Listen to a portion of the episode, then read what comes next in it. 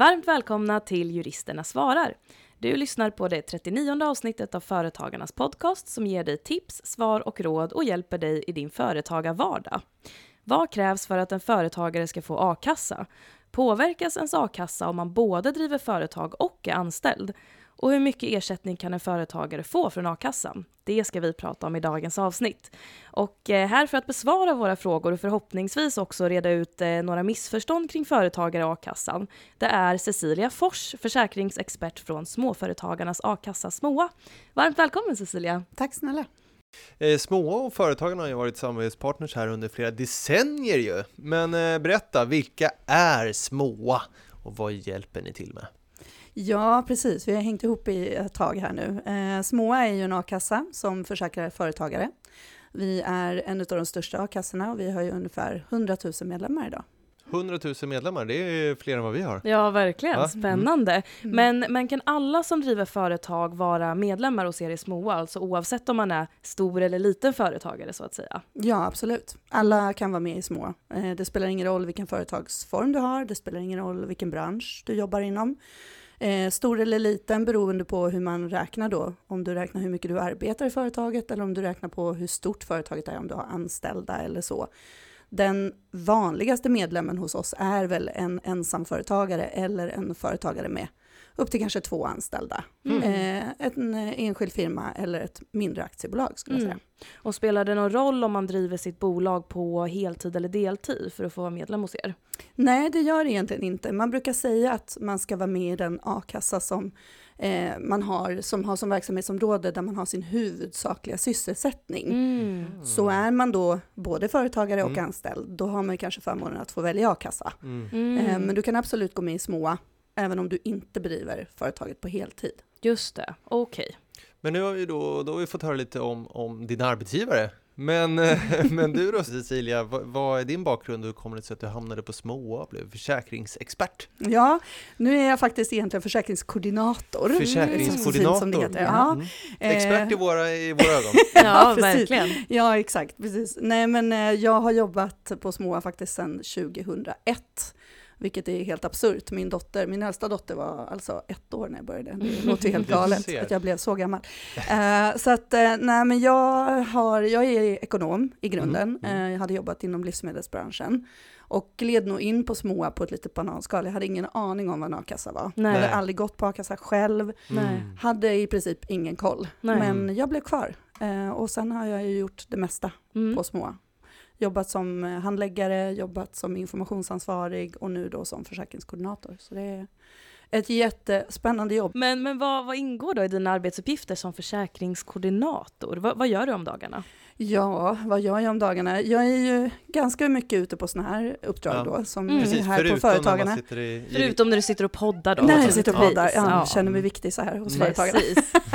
Nej, men eh, sen så jobbar jag ganska mycket med kvalitetssäkring, jag jobbar med utbildning, eh, koordinerar egentligen då man kan säga att det som ingår mest är väl kanske att omvandla de här svåra försäkringsreglerna till någonting som dels våra handläggare förstår, men också främst såklart våra medlemmar. Mm. Så att anpassa den här försäkringen och bli mer lättförståelig Mm. är ju sto- en stor del av mitt uppdrag, Mm. något som jag brinner för. Så du, du håller egentligen med många företagare om att eh, de här a-kassereglerna är svåra? Oh ja, Ja. Mm. oh ja, det är inte lätt att förstå sig på. Nej.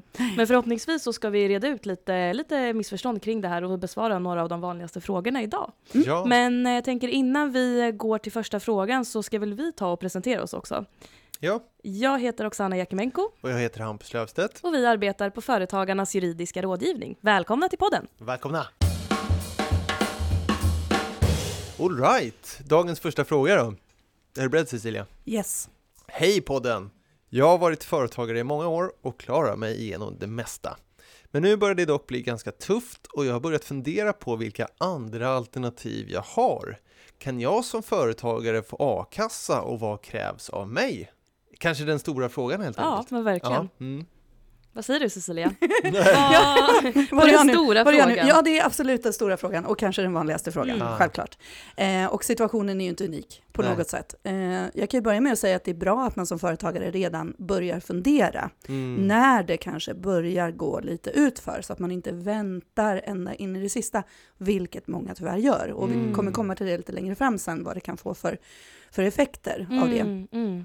Eh, och ja, du kan få a-kassa om du antingen upphör definitivt med din verksamhet Mm. eller alternativt att du har ett tillfälligt uppehåll, eller Mm. det som vi brukar kalla för vilande företag. Right. Och det kräver ju såklart då att du är med i en a-kassa ja. och helst i minst 12 månader så att du har tillgång till den inkomstbaserade delen av försäkringen.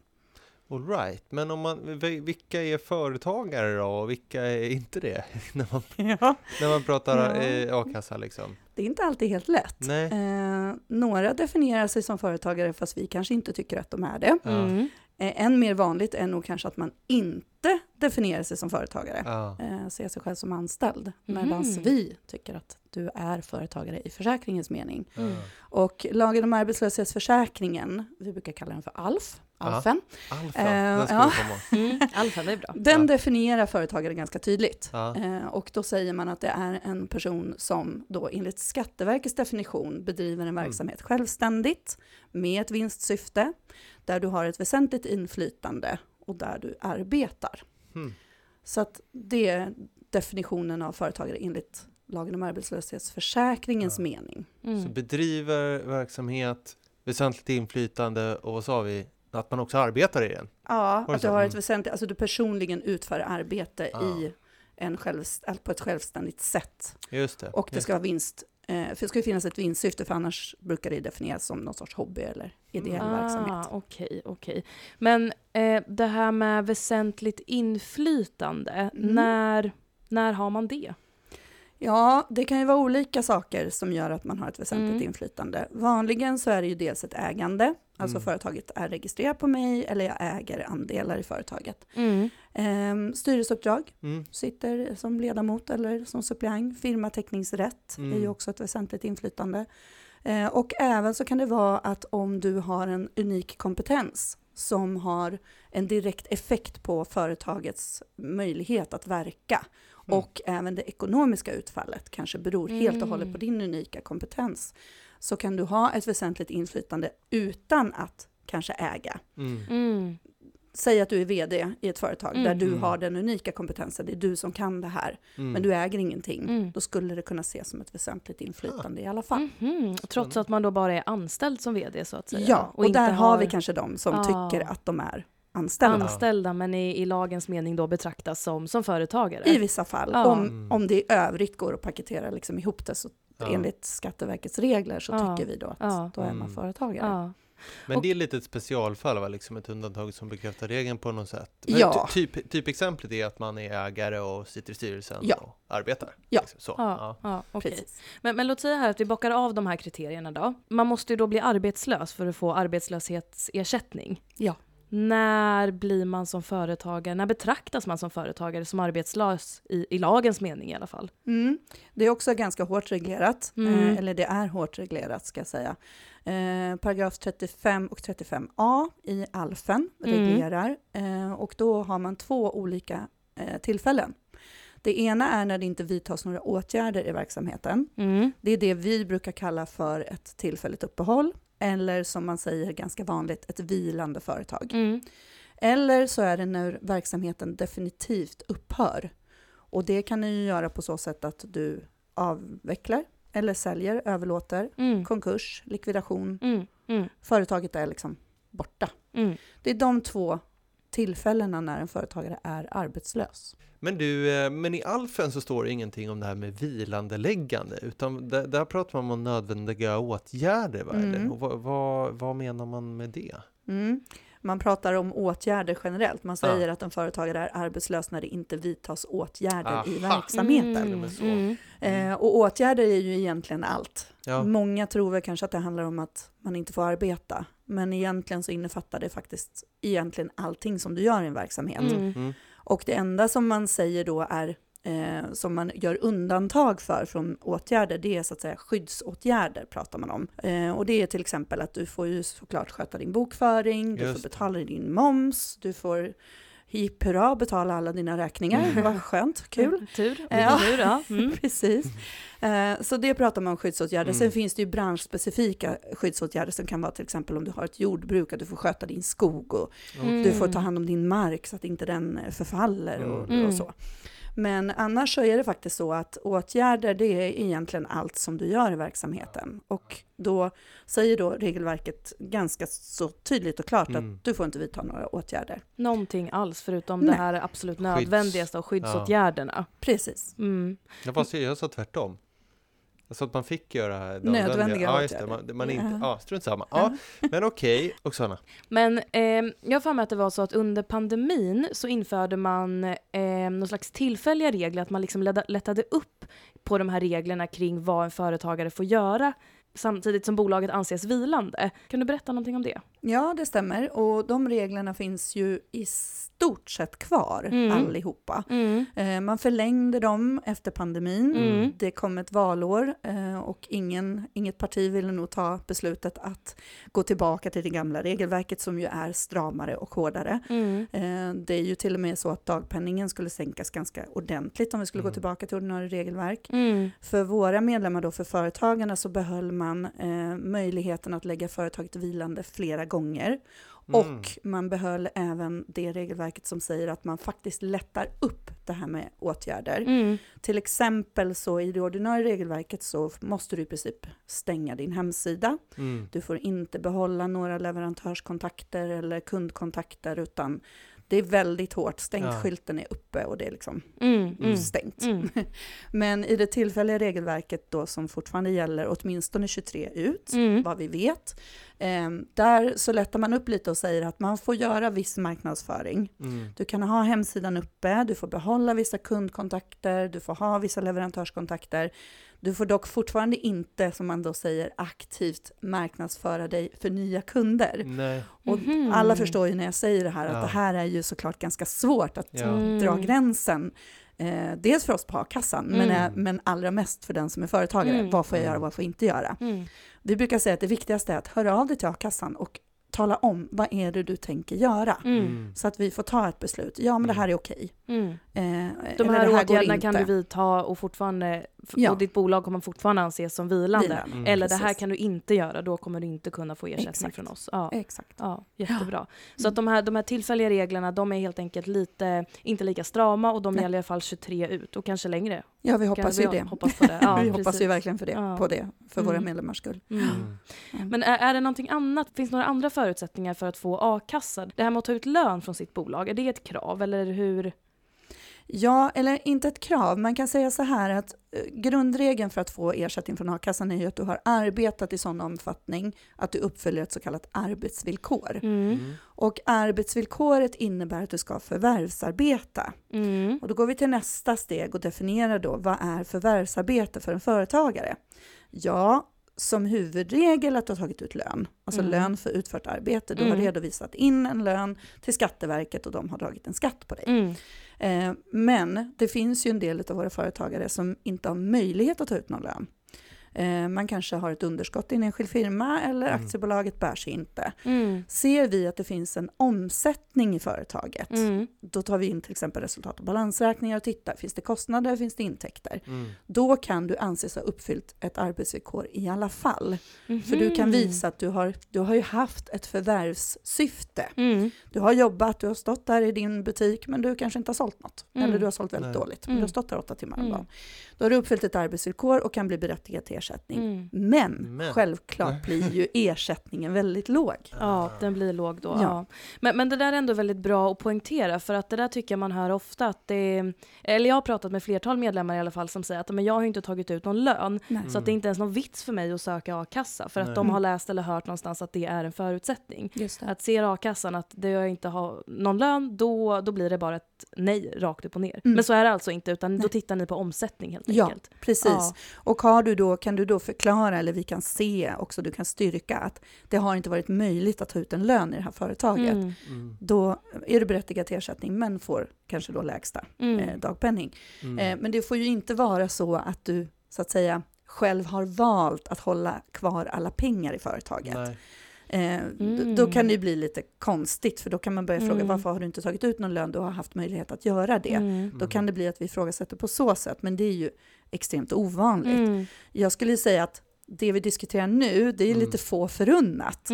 De flesta som kommer till oss, de har ju tyvärr alltså först försökt betala sina anställda. Mm. och när det inte bär sig då säger man upp sina anställda och sen slutar man själv ta ut lön för länge, länge sedan. Ja. Och sen när det verkligen inte bär sig, företaget, det finns liksom ingenting Mm. kvar. Då kommer man till a-kassan. Mm. För man kämpar ju in i det sista och det är fullt Mm. naturligt. Mm. Men då blir ju tyvärr effekterna av det då blir ju att man får en väldigt låg ersättning. Mm. Fördelen som vi har är att när vi beräknar dagpenningen så kan vi titta längre tillbaks. För vi tittar i första hand på senaste slutskattebeskedet. Och är det ganska dåligt eller väldigt dåligt, då kan vi titta på ett genomsnitt av de två föregående Aha. åren. Och två föregående, vad sa du? Slutskattebeskeden. Slutskatte- Vad, vad, vad skeden och vad pratar vi då i, i, i vanlig tid höll jag på att säga? Mm. Ja, just nu pratar vi 2021. Ah. Mm. Mm. Mm. För de flesta har ju inte fått sina slutskattebesked för 22 än. Mm. Vi som är anställda har ju kanske hunnit få det. Mm. Det går ju fortare och fortare Mm. för varje år det där. Men de flesta av våra medlemmar får ju nu sina slutskattebesked här i juni Ja. För 2022. Då går det över till 2022. Mm. För det är det beslut som finns när vi fattar beslut som gäller. Mm. Eh, och då blir det 22 och så jämför vi det då med 21 och 20. Mm. Så om vi säger då för våra medlemmar som pandemiåret som var 2020 Mm. som var katastrof, Mm. kanske, Mm. eller 19, då hade man en fördel att vi i vissa fall kunde titta tillbaka bak. i tiden. Ja. Mhm. Ja, det är en jättebra m- möjlighet, inte minst med tanke på att jag tror att eh, vår, vår eh, erfarenhet är att ofta så kanske ens egen lön försvinner innan man ens börjar Först. se upp anställda. Ja, ja, men precis. Man Mm. slutar ta ut lön till sig själv först, sen Ja. kämpar man på med sina anställda. Ja. Sen kanske man säger upp, men sen är ju bolaget ja, typ nollat. Mm. Så. Och, då, ja, och då får man väl låg ersättning från er då, om man ansöker om a-kassa Mm. i det stadiet. Ja, Liksom. Ja. Mm. tyvärr så blir det det. Mm. Men som sagt, fördelen är att vi kan titta Mm. lite Längre längre bak. tillbaka. Mm. Mm. Så det finns, det är liksom inte helt kört. Det finns fler alternativ och, och jag, som sagt, och ni, ni vet ju om vi inte kan göra det här, då tittar vi på det här istället. Mm. Så att det kanske är bättre att höra av sig istället för att ja, tänka att äh, men det är kört.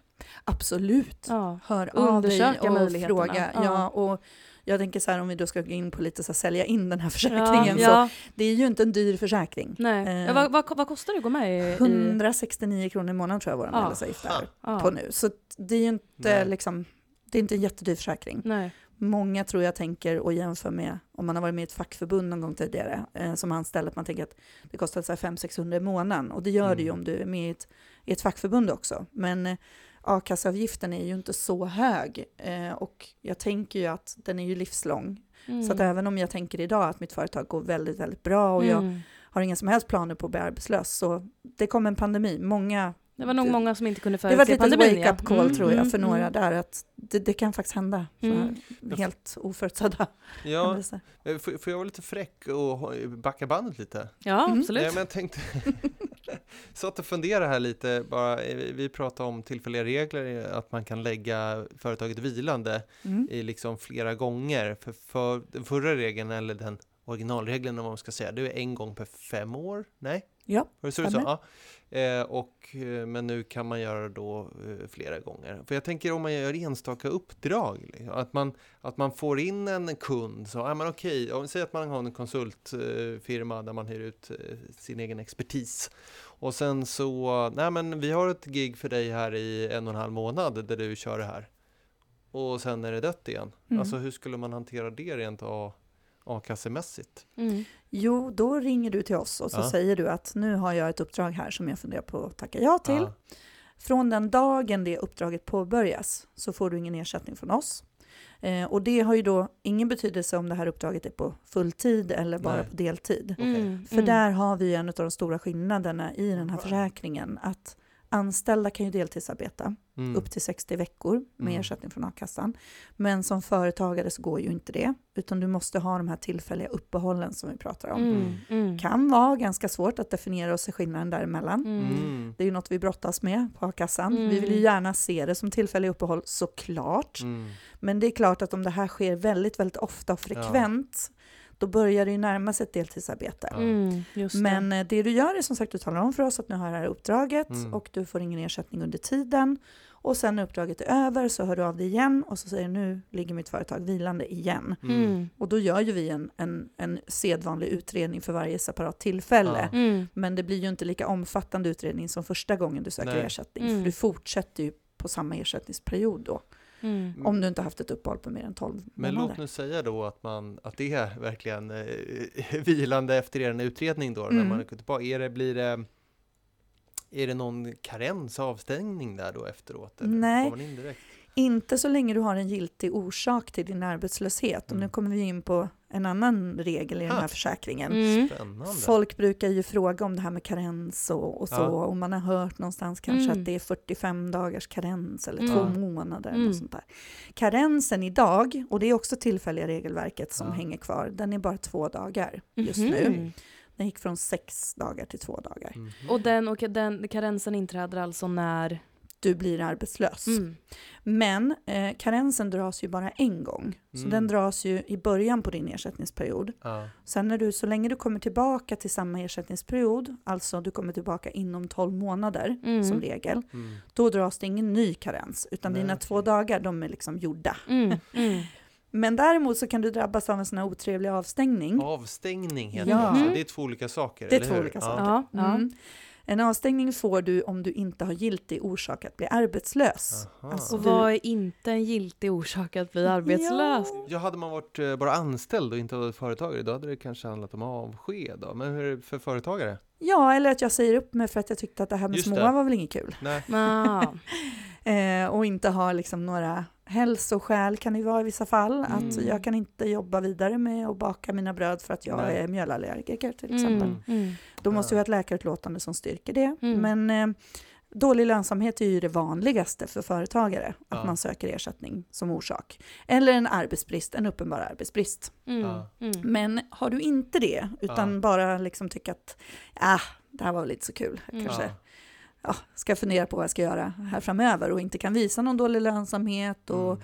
ingen uppenbar arbetsbrist eller så, eller någon ökad konkurrens någonstans ifrån. Mm. Det är då du åker på de här 45. Ja, jag förstår. Så i, i det exempel du drar, när du har ett uppdrag då som varar kanske en och en halv månad, Ja, ja, då är ju din arbetslöshet orsakad av att ditt uppdrag tar slut. just det. Och det är ju ingenting som du kan råda över. Nej. För förmodligen hade du gärna haft kvar uppdraget. Mm. Mm. Mm. Så att då är det ingen avstängning. Mm. Mm. Och ingen karens heller, när du Mm. redan har påbörjat din Just ersättningsperiod. det. Bra. Jättebra och informativt. Ja, verkligen. eller hur? Frågan, frågan var ju, kan jag som företagare få a-kassa och vad krävs av mig? Jag tycker att vi Ja. har gått igenom Ja. det, eller Cecilia har gått igenom det på ett väldigt bra sätt, Ja. tycker jag. Tänk, Bra. vi lär oss varje dag. Ja, verkligen. Okej, men ska vi gå på nästa fråga då kanske? Det tycker jag. Hej juristerna svarar. Jag har i hela 35 år drivit och ägt en guldsmedsbutik som är min bebis. Nu har jag hittat en köpare som jag känner är värdig att ta över och driva verksamheten i dess anda. Köparen vill dock att jag sitter kvar i styrelsen. Kan jag göra det och ändå ha rätt till a-kassa? Som regel är svaret nej. Du kan inte ha kvar ditt styrelseuppdrag. Eh, Eftersom ditt väsentliga inflytande som vi pratade om tidigare, Mm. det har ju inte upphört. Nej. Så som regel är svaret nej. Och Tar vi undantag? nästa fråga? Exakt. exakt. Nej men, men okej, så att om den här personen tidigare har ägt bolaget och sen sitter kvar i styrelsen, då, eh, på, precis, då kan inte personen få a-kassa. För då anses den ha ett väsentligt inflytande. Men om den här personen inte längre äger bolaget, inte sitter kvar i styrelsen men istället blir deltidsanställd, Mm. hur ser man på det? Då är ju det problemet att du är inte anställd i lagen om arbetslöshetsförsäkringens mening. För man säger att en företagare som överlåter verksamheten och sen arbetar kvar har fortfarande kvar ett väsentligt inflytande. Aha. Mm. Så det är det är särreglerat och med? presumtion för det, alltså Ja. även om man de facto inte har det, eller? Exakt, du har överlåtit Aha. det men du arbetar kvar. Då på något sätt, då kommer vi lite in på det här, jag tror jag nämnde det tidigare, att den här kompetensen då är på Mm. något sätt fortfarande nödvändig. Ja. För verksamheten. Och Mm. det är den ju då om du arbetar kvar. Mm. Så det går inte. Nej, det är ju jättebra att man reglerade det tydligt så ni satt och göra den bedömningen. Eller? Ja. Nej, men, men, men betyder Ja. det att man liksom vid företagsöverlåtelse då måste klippa alla band med, sitt, med sin bebis? Alltså att man får inte deltidsarbeta, man får inte sitta kvar i styrelsen. Får man sitta som eh, suppleant? Ja, det Ja. finns ju, eller ja, eh, ibland. Det beror på, det som beror du tycker om att på, svara. Ja. precis, det är en, en då samlad bedömning i varje Just. unikt fall, fall. som vi säger. Ja. Exakt. Eh, nej men det finns undantag och, och det finns undantag både för ägande och för det här väsentliga inflytandet kan man Mm, säga. mm. Eh, om det är så att du sitter som suppleant, du har inte automatisk firmateckningsrätt exempelvis, eh, och du i övrigt har klippt, liksom, du har sålt aktierna, du Mm. arbetar inte kvar, Mm. Då skulle vi kunna tycka att det väsentliga inflytandet inte existerar längre. Utan, och du kanske, ofta så blir det så att man förklarar att jag sitter kvar som suppleant för det behövdes en person i Ja, styrelsen. precis. Att Ja. Man, ja. Mm. det är ganska vanligt. Mm. Eh, och då kan det vara okej. Och likadant med ägandet så kan det ju vara så att du äger en väldigt liten andel i företaget och det finns majoritetsägare som gör att du har liksom ingen möjlighet att påverka företaget längre. Då skulle vi också kunna säga att du har klivit av styrelseuppdraget, du har slutat jobba, du har kvar en aktieandel. Mm. Det kan vara okej om kan den vara anses okej. vara så pass liten. Och där handlar det oftast om att den enskilde har försökt att bli av med de här aktierna men det, det går inte. Ah. Mm. Ehm, och det kan ju ofta vara förenat med någon sorts konflikt. Man har Mm. blivit osams Ja. eh, och de andra vill Visst. inte överta aktierna och du kanske tvingas att sälja dem till ett undervärde eller vad det nu kan vara. Mm. Eh, och där kan vi göra undantag. Oftast så är det dock eh, förenat med ett villkor att du ska, din avsikt ska vara att göra dig av med de här aktierna Ah. så snart du kan. Ehm, så att det, det, är väldigt, det är väldigt avsteg från huvudregeln. Huvudregeln Mm. är att du ska ha skilt dig till alla Ja. delar. Men, men jag tänker på det här med att behålla en liten, liten andel av aktierna. Mm. Har vi någon fingervisning om hur liten den andelen Hur måste många vara? procent? Ja, precis. Ja, I wish. Ja, misstänkte nästan det. Det beror på, eller? Det beror Ja, väldigt på väldigt, varje Ja. enskilt Mm. fall. Hur många delägare finns det i övrigt?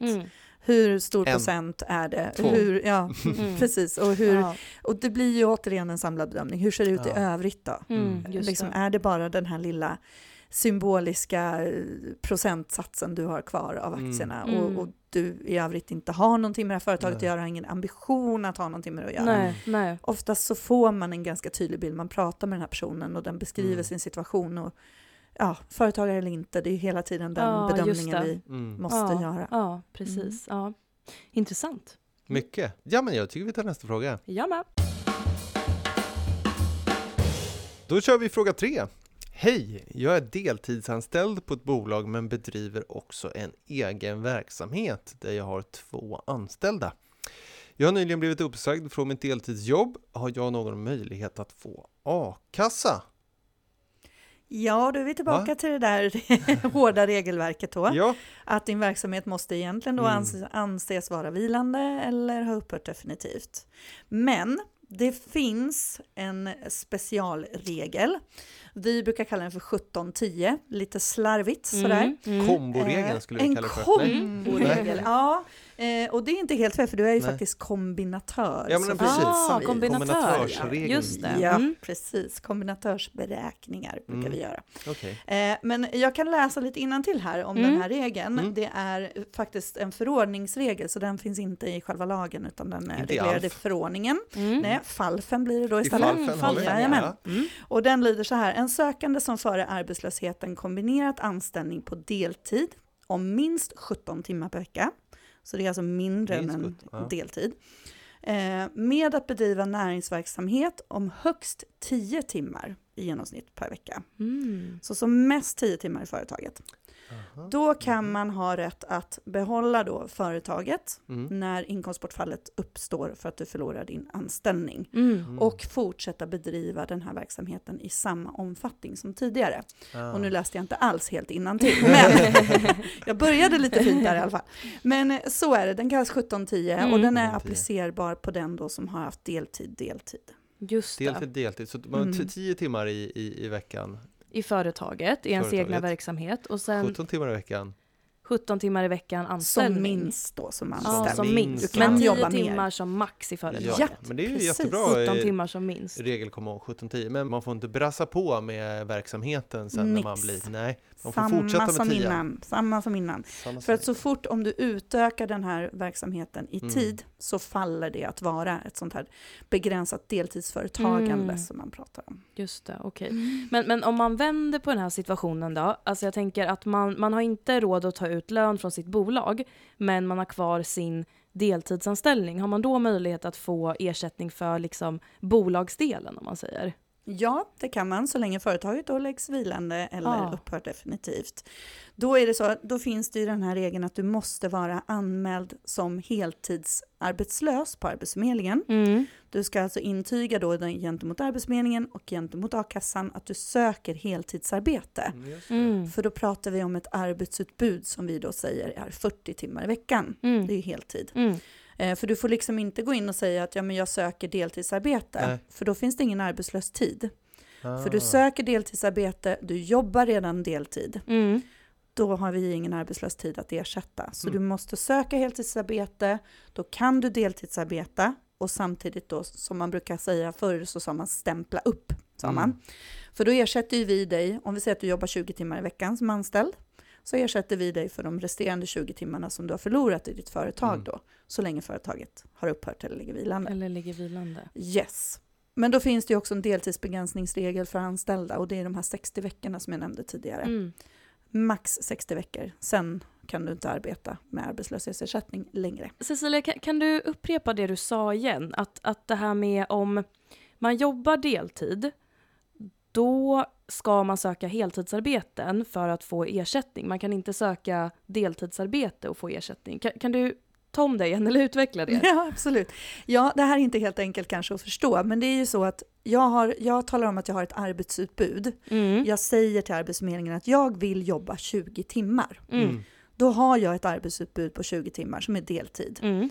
Samtidigt så talar jag om att jag jobbar 20 timmar. Mm. Då jobbar jag redan hela mitt arbetsutbud. Mm. Ah. Då finns det ingen arbetslös tid kvar för a-kassan att ersätta. Mm. Medan om du säger att jag vill jobba 40 timmar, jag vill jobba heltid, jag Mm. söker ett heltidsarbete, beredd att ta ett heltidsarbete, men just nu jobbar jag 20 timmar, ja då finns det 20 arbetslösa timmar för Då finns det a-kassan att 20 ersätta. timmar kvar. liksom. Exakt. Yes. Ja, ja, men bra. Precis. Precis så. Precis, så att man kan inte tänka att man liksom plussar ihop 20 plus 20, alltså 20 Nej. timmar någonstans, 20 timmar någon annanstans och det blir 40 och då ska man få ersättning. Utan det krävs just att man söker heltidsarbeten då, 40 Exakt. timmar i veckan. För ditt arbetsutbud har ju tidigare varit 40, Ja, för du har jobbat ja. halvtid i företaget och halvtid i din anställning. Precis. Men skulle du då helt plötsligt säga att Nej, men nu vill jag bara jobba deltid, då har ju du sänkt ditt arbetsutbud Mm. frivilligt. Och då, jag vill bara jobba 20 timmar och jag gör redan det. Du ja, men då är det. du nöjd. Ja, liksom. precis. Då, Ja. har man, då har man fyllt den kvoten om man säger ja, jag Ja. förstår, jag förstår. Ja, vad bra. Men du, som vi var inne på förut så är många av våra medlemmar,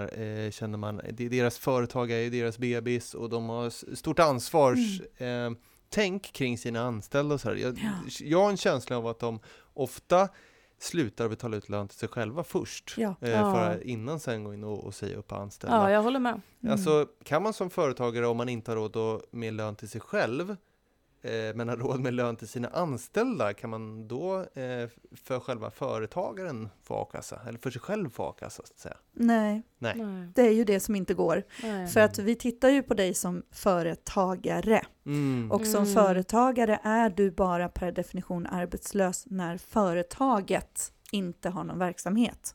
Eller när det har upphört definitivt. Och har du Mm. anställda som fortsätter bedriva verksamhet, då vidtas Mm. det åtgärder i företaget. Just det. Så det har ju egentligen ingen betydelse vem som jobbar, Nej. utan det Mm. är att någon jobbar gör att du har inte ersättningsrätt. Mm. Just det. kan man ju tycka är synd att så här, man tänker att ja, men mina, man prioriterar liksom Ja. de tillgångarna som finns i bolaget för att slippa säga upp eh, sin Mm. personal och så tänker man men jag själv kanske kan få lite lägre ersättning än en vanlig lön men så länge mina anställda fortsätter få det men då får Mm. man alltså ingen a-kassa för då Nej. betraktas inte företaget eh, vilande. vilande. Nej, Mm. precis. Mm. Okej! Då tror jag att det är dagens sista fråga. Jajamän. Hej, jag driver en liten bygghandel. Utifrån vad jag har läst mig till så verkar det som att jag uppfyller de krav som ställs för att kunna få a-kassa.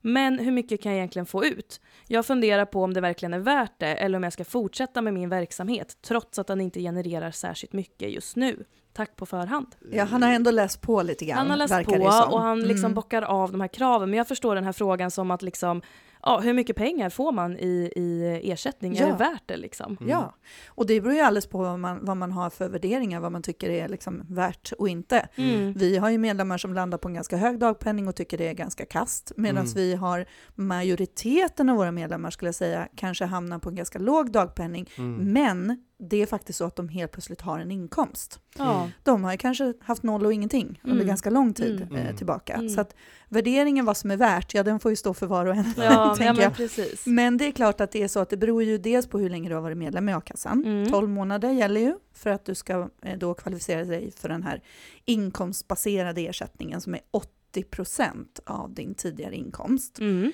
Taket ligger ju idag på 1200 eh, och Per dag. per dag. Mm. Precis. Och golvet då, eller det lägsta nivån, ligger på 510 kronor om dagen. Mm. Och det här är ju också då en del av det tillfälliga regelverket. Mm. Eh, nivåerna ligger ju betydligt lägre om det är så att vi går tillbaka till det ordinarie regelverket. Så Mm. Vad, det ligger det inte på då enligt ordinarie? Om jag minns rätt så är taket 910 Mm. och golvet har jag för mig är 320. Mm, nej, det är några hundralappars skillnad på, det på både golv och tak. Ja, det är ju ja. faktiskt det. Om, om du får Ehm, sia inför ja. framtiden vad våra makthavare här i Sverige Mm. kommer säga till om, vad, vad tror du att de, det här kommer ligga kvar? Ja, det tror jag. Ja. Ehm, dels så är det ju så att vi har haft en SOU ute ehm, där det är på gång en ny arbetslöshetsförsäkring. Mm. Den skulle ju egentligen ha trätt i kraft redan i januari i år. Mm. Vi är väldigt glada över att den inte gjorde det. Mm. Det hade varit lite stressigt efter pandemi och allt annat Mm. som det, vi har haft, haft att göra. Kan man Mm. säga. Mm. Ehm, men jag har ju svårt att se att man går tillbaka till det ordinarie regelverket för att sen bygga om hela försäkringen på nytt. Mm. Men vad vet vi? Vi har en ny regering, vi har ingen aning om vad, vad de tänker hitta på här eh, Mm. till nästa år. Mm. Så att vi får väl se. Jag bara hoppas att man i så fall har framförhållning och, och meddelar det här i tid. Mm. Mm. För en gångs skull. Mm. Får Ja, säga det får man väl ändå säga. det men kan gå lite precis. fort ibland. Ja. Eh, Men som sagt, vi kommer ju göra allt vi kan för att eh, jobba för att de här reglerna får vara kvar. Mm. Mm. Självklart. Mm. Men, men jag tänker om vi, om vi går tillbaka till just prata den här liksom ersättningen i kronor och ören. Du säger att om man har varit medlem i a-kassan i 12 månader då har man rätt till den inkomstbaserade försäkringen, Mm. vilket är 80% av ens ordinarie lön. Ja. Men om man har varit medlem kortare tid då? Mm. Vad... Då finns det ett grundbelopp och det motsvarar golvet i försäkringen, så den är Ah. också 510. Okej. Och allt det här utgår ju, de här beloppen som jag nämner nu, de utgår ju från att du har jobbat heltid innan. Heltid i företaget. Ja, Mm, heltid mm. i den, den delen som du har förlorat. Heltid i den Ja. delen som du har förlorat. Förlorat. Ja. Okej. Mm. Mm. Så att du ska, vi baserar ju, för att har du bara jobbat deltid Ja. så kan du ju inte få heltidsersättning Nej. för att a-kassan är ju en inkomstbortfallsförsäkring och fyller ju upp den förlorade arbetstiden och den förlorade arbetsinkomsten. Mm. Så att allting utgår ju från heltid, eh, alltså 40 timmar. Har du haft en lägre arbetstid så sänks ju dagpenningen i förhållande till arbetstiden. Mm. Då pratar vi om en, om en genomsnittlig normal arbetstid, heter det så Mm. fint. Okej, men, men hur gör man beräkningen då om man är som i fråga tre här, att vi gör lite olika, att man både jobbar och är företagare? Mm. Då Eller är det både ju- är anställd och är företagare? Ja. Precis. Både jobbar och företagare. Lyx. Ja, men a-kassan ersätter ju den del som du har förlorat. Mm. Både, alltså det är en inkomstbortfallsförsäkring Mm. Mm. där vi ersätter förlorad arbetstid och förlorad arbetsinkomst. Mm. Så att har du jobbat deltid i företaget så får du en normalarbetstid på deltid. Alltså Just. jobbat 20 timmar, då blir din normalarbetstid 20 timmar. Men i det fallet som vi talar om då, när han har Mm. kvar sin anställning, eller hon, Mm. då har ju den här personen kvar 20 timmars anställning också. Mm. Annars skulle det bli orimligt om vi skulle Mm. säga att vi ersätter dig för heltid om du har en Mm. deltidssysselsättning kvar. Just det. Men har du däremot förlorat båda två och ingen av dem liksom har kvalificerat sig för att bli det här 17-10 eller Mm. en bisyssla eller så, Mm. Mm. då ersätter ju vi dig för båda. Så har du jobbat 2020 så har du ju en normalarbetstid på 40 Mm. såklart. Mm. Eh, många företagare har ju jobbat mycket, mycket mer Mm. än 40 timmar i veckan. Eh, men det har ingen betydelse, Nej. utan 40 är liksom, är. Men och då, och då är det arbetstiden som avgör. För jag skulle ställa en fråga, att, men precis, man får både lön från eh, företaget där man varit anställd och så kanske man inte tar ut lön från sitt egna bolag, för det har Mm. man inte haft möjlighet att göra. Nej. Men då var du inne på att då tittar ni på omsättning och sådär. Mm. Men egentligen hur stor andel man får ut i ersättning baseras på arbetstiden Både och. Mm. Både arbetstiden och inkomsten. och inkomsten. Ja. Men hur gör ni i de fallen då? Där man, vi har en lön från en arbetsgivare och så kanske jag inte har tagit ut någon lön från mitt företag. Eller så har jag det. Mm. Blir det någon skillnad där? Ja, om arbetet som anställd fortgår, då kommer vi inte basera din ersättning på den. Eh, om båda har upphört, då får du ju båda inkomsterna. Du Ja. kanske är noll i företaget, men du har Just en det, inkomst från anställningen. Mm. Men om anställningen fortgår och du har blivit av med ditt företag där du förvisso har jobbat 20 timmar, men du har haft en väldigt dålig omsättning, så Mm. du kanske inte ens har haft någon lön ur den enskilda firman Nej, eller ur nej. ditt Mm. aktiebolag. Mm. Ja, då får du ju lägsta dagpenning, men en normalarbetstid på 20 Mm. till exempel. Mm. De vanligaste av våra medlemmar, de får ju en normalarbetstid på 40 men lägsta dagpenning. För Just de har det. jobbat heltid. Just Många det. har jobbat 260-280 timmar i månaden uppger Ja, de på sina ja. Mm. intyg. Ja. 176 timmar i vårt heltidsmått och där, där, är liksom, där är gränsen nådd. Ja. Så får du en Mm. normalarbetstid på 40 men de har tagit ut väldigt lite lön. Mm. Mm. Eh, eller haft ett underskott till exempel och då hamnar de ju på 510 men Mm. normalarbetstid 40. Mm. Så att den här försäkringen är ju lite bökig på det Mm. sättet Mm. att man tar hänsyn både till arbetstiden och inkomsten. Mm. Eh, och där har väl bland annat små, vi har väl tyckt att det vore kanske bättre om den var lite differentierad, att du kan försäkra dig till vissa belopp istället. Mm. Just För det. att man ska titta på den här normalarbetstiden. Men Mm. eh, det är en annan lång historia. Men, men det kan Ja. vara bra att känna till att man, det, det är bra om man har jobbat heltid. Mm. Det kan man inte läsa har om i den jobbat där mindre.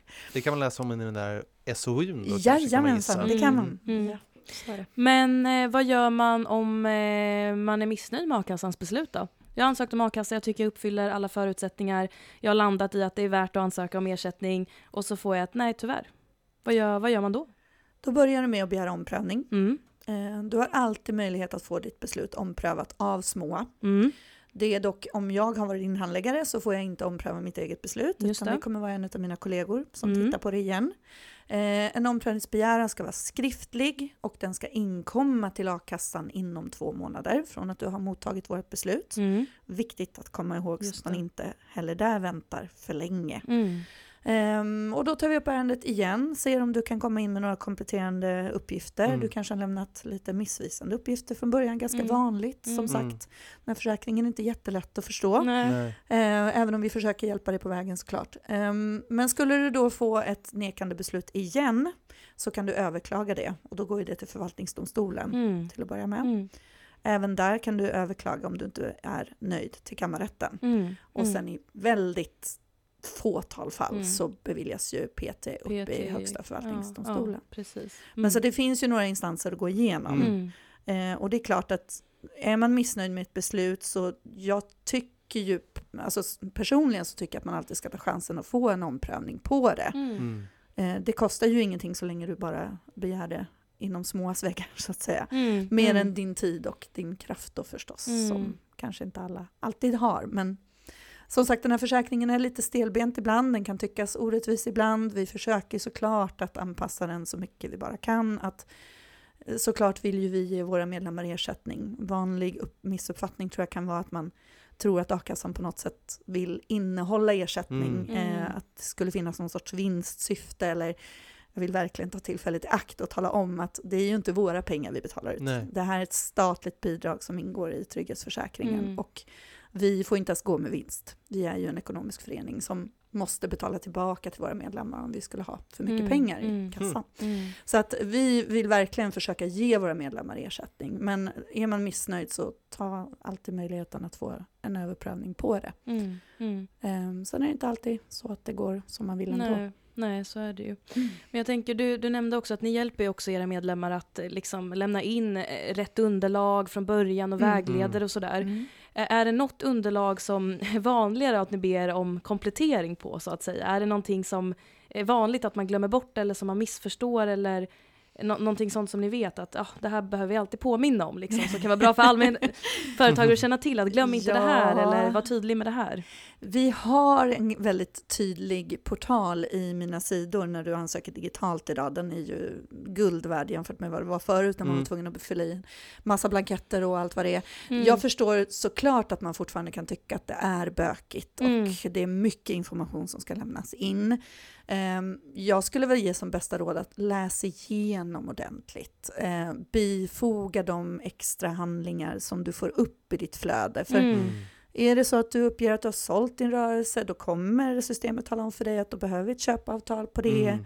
Ehm, nu för tiden får vi alla inkomstuppgifter automatiskt via en fullmakt via Skatteverket, Mm. så där har vi jobbat bort en hel del, för det var Mm. inte helt lätt att Nej. Förstå kanske vad man skulle skicka in. Är det deklarationer eller är Ja, det näringsbilagor eller är Mm. det slutskattebesked? Vad ska jag skicka? Ja, Men det får vi automatiskt. Så att, Mm. nej, jag skulle säga det är inte, nej, nej. där det krånglar till sig, det är nog det här när, när man inte är riktigt tydlig från början.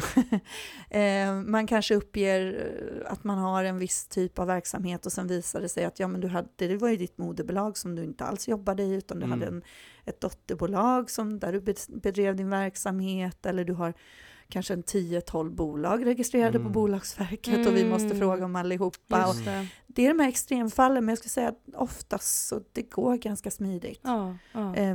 Där, där det kan bli riktigt körigt, det är, det är när det kanske uppstår språkförbistringar. Mm. Alltså där, det, det, det, då är det körigt. Mm. Men då vill jag flagga för att vi har ett jättefint stöd hos oss som vi kallar för personlig service. Mm.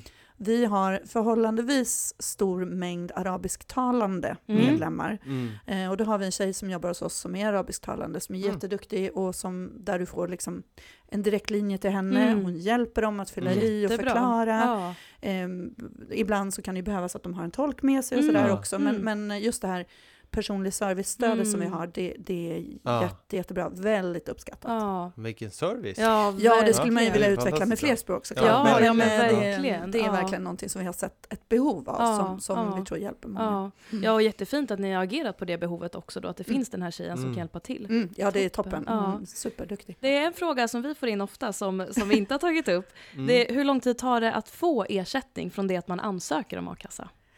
Det är ju väldigt, väldigt olika. Beror. Såklart. Det hänger på hur, hur pass omfattande utredning vi måste göra. Det här med Mm. hur många företagare du har haft och var du har jobbat. Och du, en företagare kan ju vara beroende av att behöva få in information från tredje part. Alltså Mm. revisorer kan behöva gå in och bestyrka vissa uppgifter Mm. och så. Mm. Eh, Och det är klart, då kan det dra ut lite på tiden. Eh, Men bortsett från om vi säger det här ansvaret som du som sökande har, Mm. så ligger små, vi har som målsättning att inte komma över fyra veckors handläggningstid. Mm. Mm. Och vi har faktiskt hållit oss där, eh, med undantag för en kort tid under pandemin när det liksom small till ordentligt Mm. för Mm. alla a-kassor.